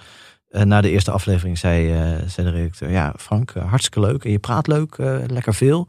Alleen iets compacter. Want eh, eh, we kunnen het allemaal niet uitzenden op deze manier. dus we zitten, in die eerste aflevering ben ik dus bijna niet aan het woord. Terwijl ik wel heel veel gezegd heb.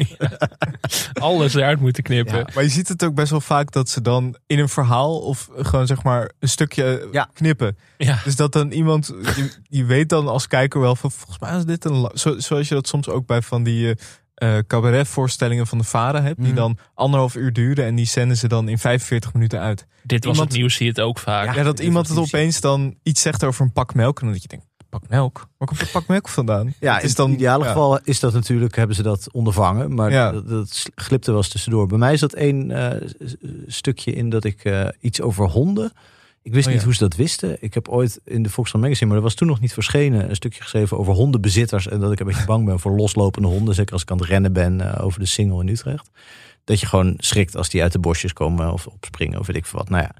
En, eh, en toen, nou, het, dat was heel erg gecomprimeerd tot een soort volkomen onbegrijpelijke aanklacht tegen het, het hele dier. En alle mensen die daarvan houden, dan wel een hond hebben. Dat was echt. Ik had dat heel genuanceerd en, en uitgebreid eh, verteld. Maar dat, dat viel helemaal in het water. Waardoor ik nu dacht: van nu, als ik morgen de, de straat op ga, dan laat iedereen zijn hond echt los op mij gewoon. En terecht. Wereldberoemd die man. Dat is echt ongelooflijk. En ehm, wat we hoorden is een second waltz van eh Shostakovich. Oh ja. De eindstand is nu Koos 142 seconden, Elke 196 seconden. En Frank, dit is de beste score in de geschiedenis van de slimste met 663 seconden.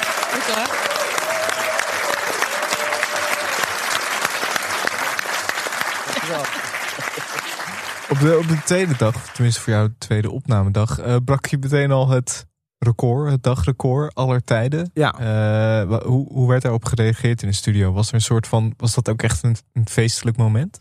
Nou, eh, nou niet, niet speciaal. Eh, ze waren een beetje beduust van, want het stond al een tijdje. En Ja. het, was ook, het was ook redelijk ruim.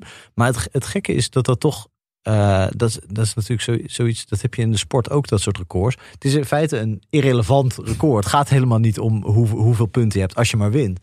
Eh, en dat was, dat was hierbij ook een beetje. En daar, daarbij was ik, eh, eh, had ik, ja, nee, ik geloof niet dat daar heel erg, dat ze daar heel erg. Ik, ik zelf was ook niet helemaal mee in hoe, want dan, toen, toen dat werd uitgezonden, waren er allemaal berichtjes over.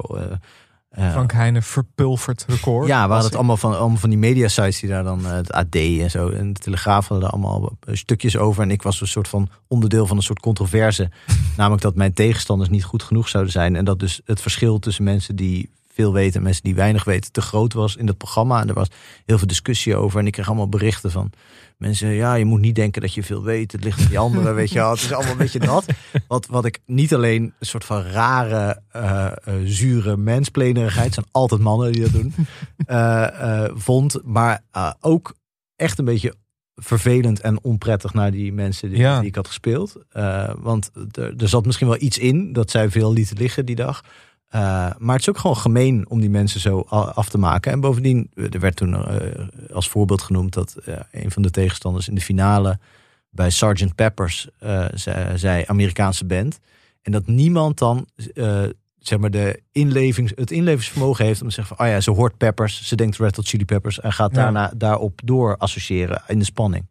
En dat iedereen zegt, wat is dit voor dom mens, als je dat dan niet weet, weet je wel. En dat, ik, ik voelde me ook een soort van raar onderdeel van ja, best wel een misogyne Hmm. Twitter-gemeenschap die eh, Ja, maar dat is wel echt een de hele... gelegenheid te baat nam om wat, eh, wat eh, vrouwen die een iets te grote mond hadden eh, op hun plek te zetten. Dus ik vond het heel onprettig eigenlijk. eh, Ik vind even. sowieso dat neerkijken op, op kennis, wat je heel vaak ziet op Ja. Twitter bij, rondom de slimste mensen, vind ik een heel wonderlijk fenomeen. Dat mensen die dan nooit mee hebben gedaan aan het programma, ook wel vaak wat bekendere mensen die dan woedend zijn van ze weten niet wie Karel Appel is en ze weten wel wie Paris Hilton is Ja. en zo. En dan helemaal... Ja, maar het is inderdaad wat jij zegt ook vaak heel vrouwenvriendelijk. Ja, dat Het gebeurt ook echt nog. veel vaker bij vrouwen die ook dan na afloop zeggen dat ze allemaal privéberichten. Ja, nee, dat was dingen. dit keer de, de dag voordat ik eh, instroomde. Iemand die daaruit ging, die heeft er daarna op Instagram inderdaad een eh, Ja. post aan gewijd. En gewoon laten zien wat ze nou allemaal aan rotzooi binnenkreeg. En ja, dat is, ik vind, los van onbegrijpelijk en walgelijk, is het ook inderdaad,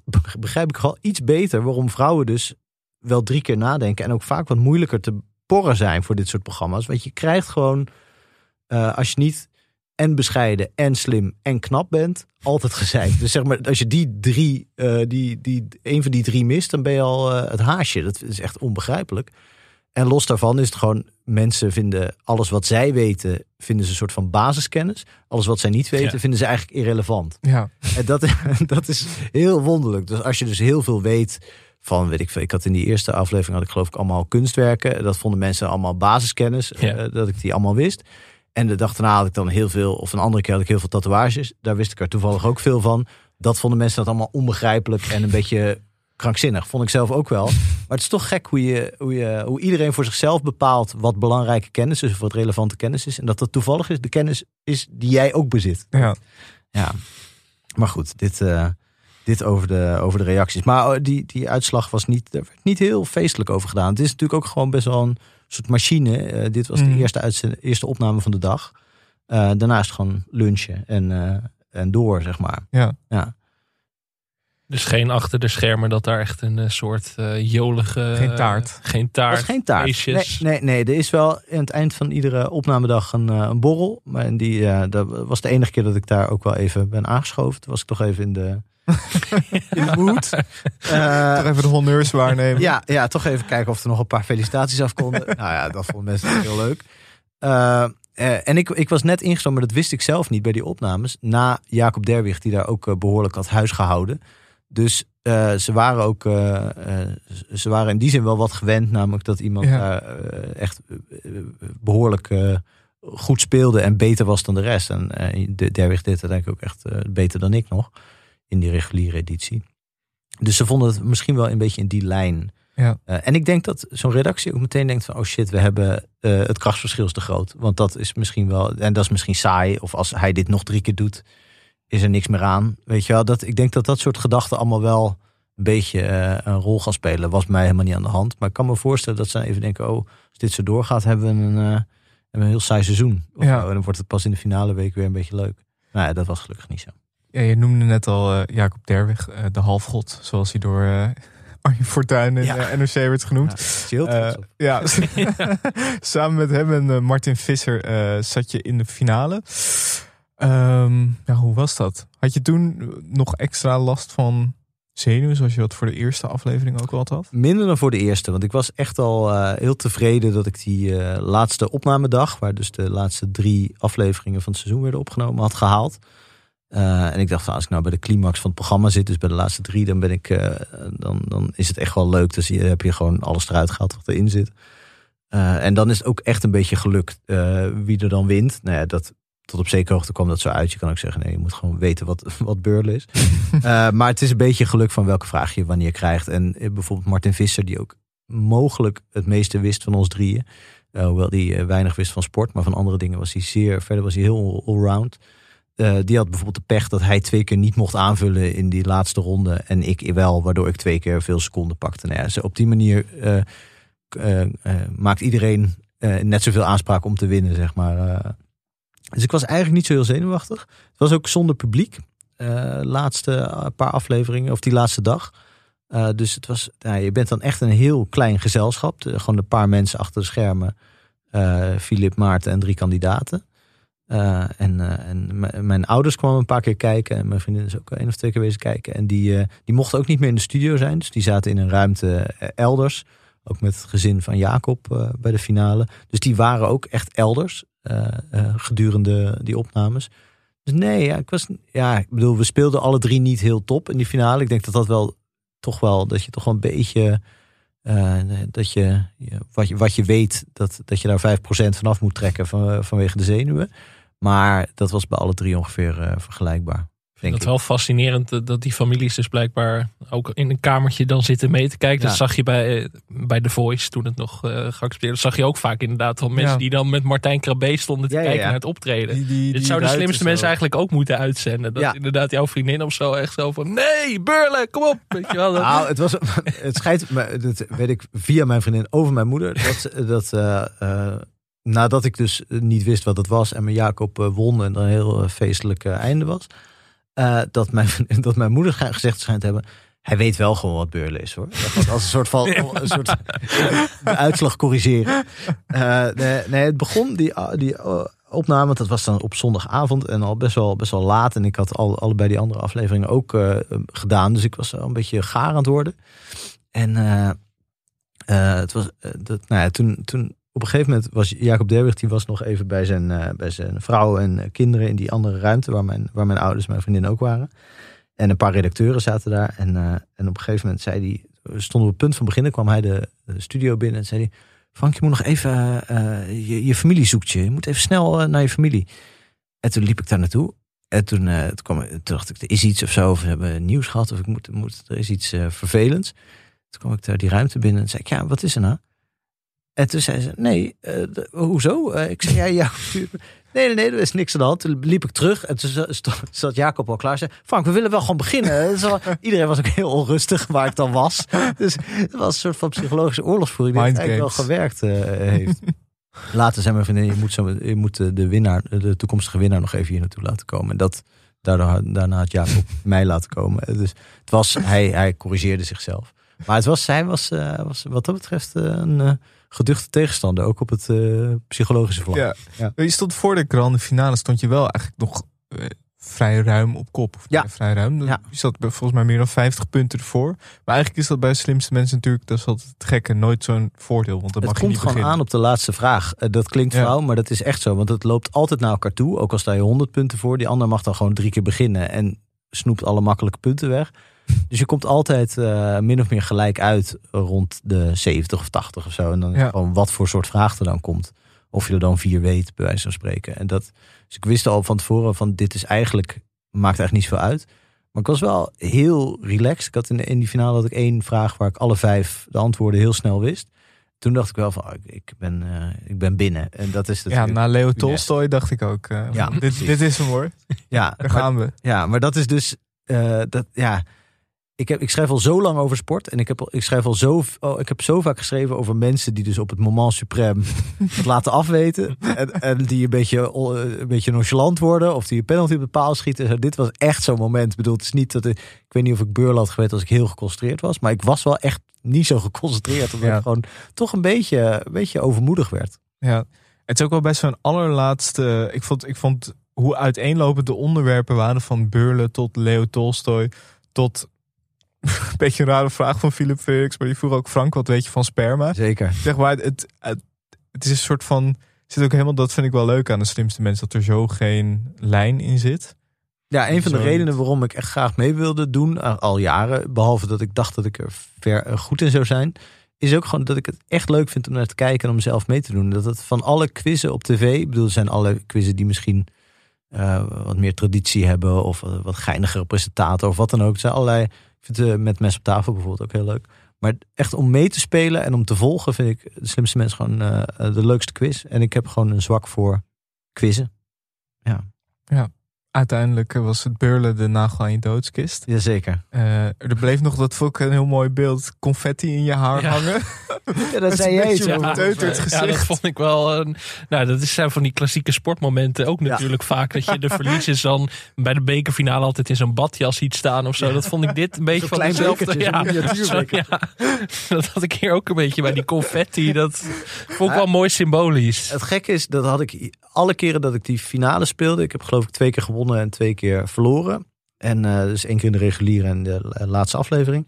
Dat je alle vier die keren dat ik dacht van oké, wat er ook gebeurt, concentreer je. Niet chagrijnig kijken.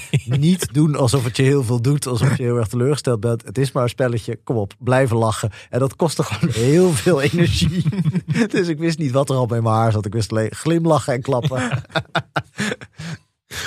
Uiteindelijk eh, er was ook, ik zag nog, ik zat een beetje te googlen en ik kwam ook nog een eh, artikel tegen van sportnieuws.nl met als kop Frank Heijnen verliest finale de slimste mens door herten.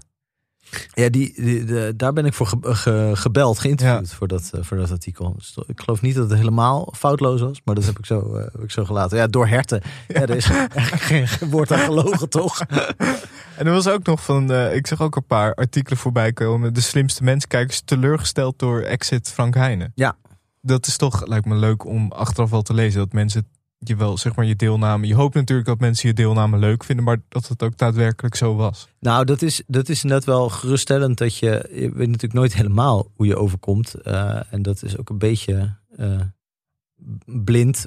Ik, ik ben wel eens op televisie geweest, maar nooit dat mensen echt een soort van meeleefden met een programma. En wat je bij dit programma ook hebt, bij zo'n quiz, omdat het zo'n soort feuilletonachtige vorm heeft, gaan mensen ook eh, als het ware je adopteren als hun favoriet of als hun Mhm. minst favoriete kandidaat. En eh, dat is natuurlijk net als bij, bij, bij spreken bij een voetbalclub. Dat, je, dat is ook volstrekt willekeurig soms waarom mensen dat kiezen. Maar ze worden er wel heel fanatiek van. Dus de, toen- ik eruit ging in die eh, in de vijfde aflevering. Ja, er waren mensen echt. Die hadden gewoon een beetje een deel van hun eh, emoties. Zat in, eh, hadden ze in mij geïnvesteerd. En dat Ja. betaalde ik als het ware niet terug. En dat was toch. Nee, mijn moeder was echt teleurgesteld Ja, je, zie kan je? ik je vertellen. Ja, Ja, Nou ja dus, dus dat is bovenop je eigen teleurstelling, die al een tijdje geleden was en die ook wel re- redelijk snel eh, verwerkt was, krijg je dan toch twee maanden later nog de teleurstelling van, van een miljoen of een paar honderdduizend volstrekte vreemde. eh, eh, wat, wat hartstikke aardig is, maar ook een beetje eh, confronterend. Dat je denkt van, oh ja, ja oh, er zijn zoveel mensen die dat erg vinden. En niet heel erg, vijf minuten later zijn ze het waarschijnlijk weer vergeten. Maar even, ze twitteren dan even van, oh, dat had ik niet verwacht en wat zonde. Eh, die eerste, dat is altijd bij mensen die al wat langer in het spel zitten, omdat ze die wat beter kennen. Je wordt dan een soort huisgenoot, volgens mij, Ja. gedurende zo'n week. Eh, want de eerste afleveringen waren, eh, speelde ik tegen de, vrouw, Randy Fokke, die onder andere in de Albert Heijn reclame zit en in de sluipschu- sluipschutters.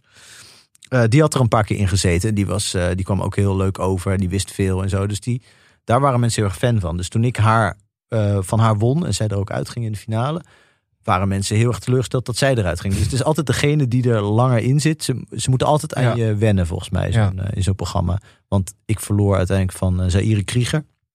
Die haar eerste aflevering had. Toen waren mensen heel teleurgesteld dat ik van haar verloor. Na een paar afleveringen waren mensen dol op haar. In ieder geval een deel van de mensen. En vonden ze het heel jammer dat zij eruit Ja. Dus zo...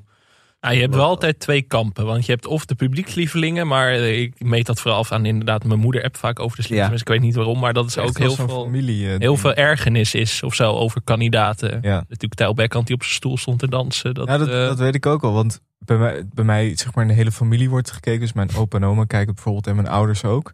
Maar mijn opa en oma stoppen dan ook vaak, mijn ouders volgens mij ook, met kijken als ze een deelnemer niet leuk vinden. Ja. Dan denken ze Echt waar? Ja. van, nou ja, dit, Ja, dat is heel hier, hardnekkig. hier ga ik me aan ergeren. Ik wacht wel een paar dagen.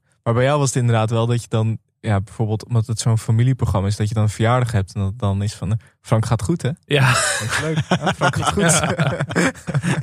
Ja, nee, dat, is- dat is heel gek. Want het lijkt me ook. eh, eh, ik bedoel, je hoopt natuurlijk dat dat, dat, dat het effect is. Maar je, je hebt er geen enkele invloed op. Dus je kan ook een van die mensen zijn die dus heel vervelend overkomt. Of als ik, als ik tijd heel veel aan het woord zou zijn. Dat mensen denken, hou je waffel nou eens een keer. Eh, Of te fanatiek zijn of zo. Dat was Ja, dat die je- Bram Douwes vorig jaar Ja. had dat een beetje. Ja. Die was heel fanatiek en dat beetje- mensen af. Een beetje zijn unique selling point van. Volgens mij heeft hij dat ook doorgezet. Die heeft dat echt omarmd. Maar ik kan me voorstellen dat het ook heel afschrikwekkend kan werken voor mensen. ik pas me een beetje aan aan het format. En dat helpt dus gewoon als je een beetje iets, wat- iets wat bescheiden opstelt. Als je gewoon onbescheiden bent, dat is eigenlijk de kern.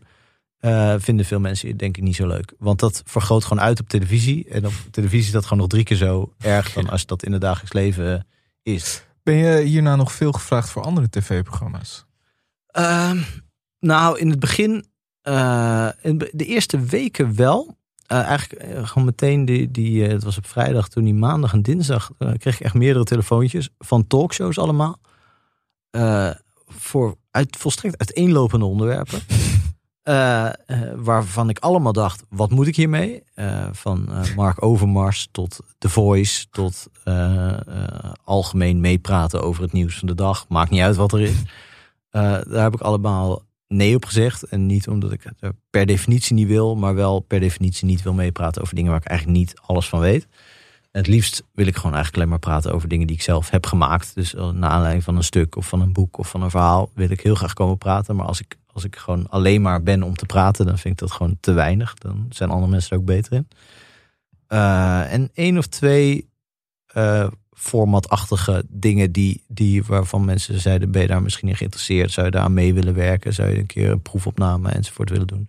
Dat leek me ook allebei niet helemaal. Het is natuurlijk gewoon, er is heel veel op televisie waar je denkt, daar wil ik nooit in. en er zijn wel een paar dingen waar je denkt, daar wil ik best wel in.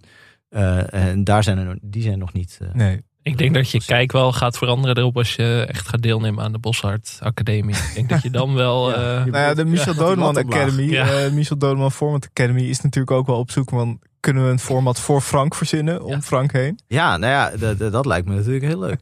nee, maar het is... Uh, ik, ik, zou me graag, ik zou me graag aan jou uh, ja. dat committeren. maar uh, nee, maar het, dat is het gekke aan televisie. Uh, überhaupt, dat je, wat ik net zei over die talkshows, geldt eigenlijk voor alle programma's.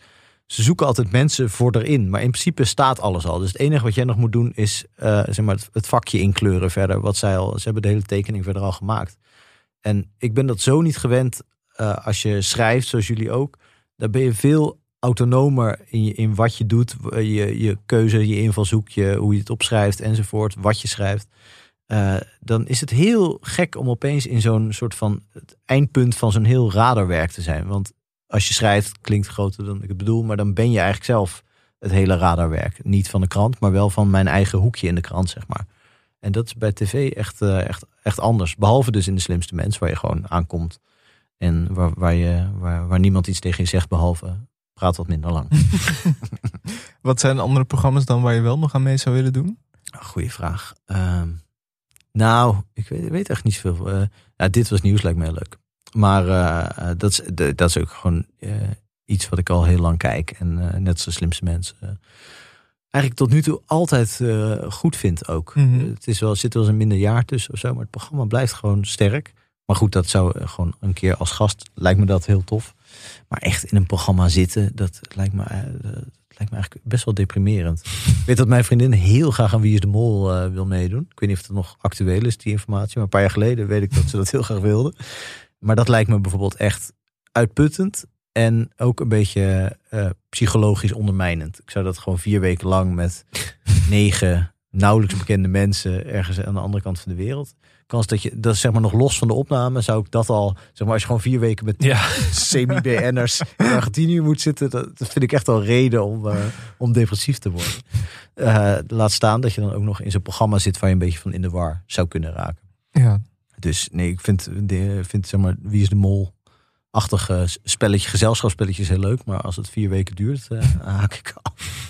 Alleen uh, dit was nieuws mocht dus bellen. Dat is, uh... Ja, en de Michel Dodeman uh, Academy. Ja, Daar, ja. Gewoon alles, alles waar, wat, wat bij jullie uit van die lopende band komt rollen. ik denk dat het tijd wordt om af te sluiten. Frank, heel erg bedankt dat je er was. Ja, ik vond het hartstikke leuk jongens. Dankjewel. Ja, ik vond het ook heel leuk. Vond je deze aflevering ook leuk en wil je meer van ons? Vergeet dan niet te abonneren. Laat een reactie achter op iTunes en geef ons sterren op Spotify. Je kan ook vriend van de show worden voor extra content. Dat kan op vriendvandeshow.nl slash televisiepodcast. Complimenten mogen publiekelijk gedeeld worden, maar vergeet ons niet te taggen via televisiepod. En je kan ons ook mailen via televisiepodcast.gmail.com. Veel dank aan Dag Nacht Media, een Studio Cloak voor Tune en een Volkma voor de illustratie. En natuurlijk heel veel dank aan onze gast Frank Heijnen. Koop zijn boek, Buiten de Lijnen. Dat kan altijd. Ja, koop altijd alle boeken. ja. ja. De Kleine Heijnen. Kleine Heijnen, Zaak Tom, Uit Koers. Alles nog uh, in druk volgens mij. En ook uh, uh, Michel's boek natuurlijk. Waarom heb jij nog geen boek, Alex? Ja, nee, goede vraag. Ze mogen me bellen. Nee. Eerst schrijven, kom op man. ja, nee. Papierschaarste. Dat Papier, dus zeker, ja. Kun je altijd als... Uh... Ja. Zo druk met de podcast. Tot volgende week. Tot volgende week. Oké, okay, gezellig Frank.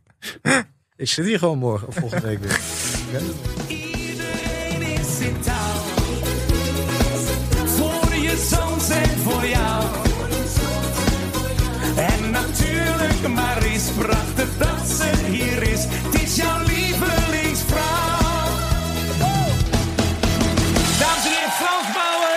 Mariska Bauer, top dat je er was. Dankjewel. Echt helemaal super.